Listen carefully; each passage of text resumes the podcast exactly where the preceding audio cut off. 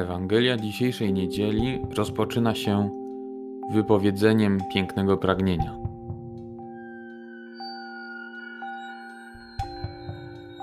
Na tym jednym zdaniu spróbujmy się przez chwilę zatrzymać. Chcemy ujrzeć Jezusa.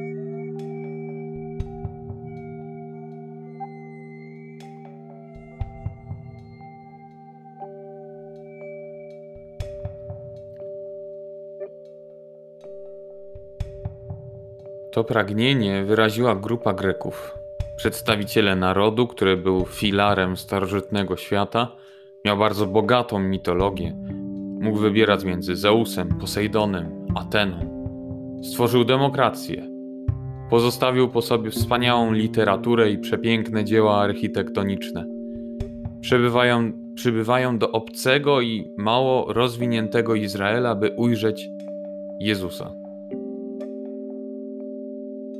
Możemy odkryć, że pośród tego wszystkiego, co mieli i czym mogli się szczycić, zabrakło im czegoś najważniejszego. Zabrakło Boga żywego i prawdziwego. Boga bliskiego człowiekowi, Boga przyjaznego, życzliwego, Boga, który jest miłością.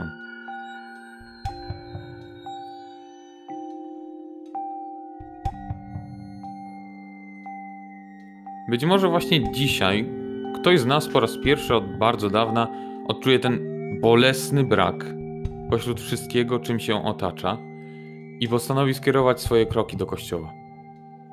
A może zgodnie ze swoim cotygodniowym zwyczajem, po prostu po raz kolejny pójdzie, by świętować Dzień Pański, by ujrzeć Jezusa. To pragnienie nie powinno nas zbytnio dziwić. W Ewangelii możemy odnaleźć niejeden moment, w którym wzrok Chrystusa ocalił konkretnego człowieka. Kobieta pochwycona na cudzołóstwie, celnik Mateusz, pewni siebie apostołowie, chorzy, potrzebujący uzdrowienia. W tym spojrzeniu Jezusa także wielu z nas odnalazło czułość, troskę, dobroć, poczucie bycia kochanym. Każdy z nas potrzebuje odnaleźć takie spojrzenie. Chce zobaczyć Boga, bo On widzi mnie.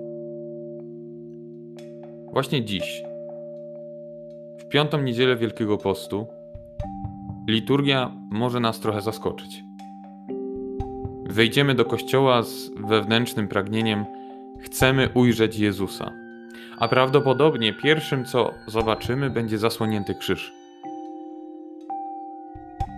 Niesamowite jest, że dziś na tę moją chęć widzenia Pan Bóg odpowiada ukryciem.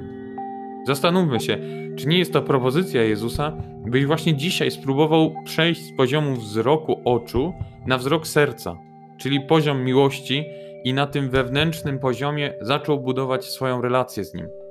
Jeśli ziarno umrze w ziemi, przyniesie plon obfity.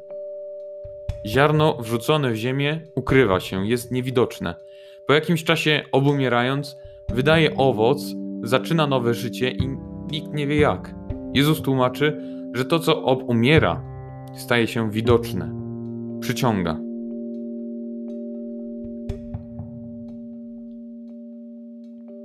Z tego wyciągnijmy dla siebie konkretną propozycję, by dać umrzeć w nas wierze opartej jedynie na widocznych wrażeniach zmysłowych, na tym co zewnętrzne i dać dotknąć się Bogu naszych serc, w naszym ukrytym wnętrzu, tak by nasza relacja z Nim zaczęła przynosić owoc, w końcu zaczęła żyć.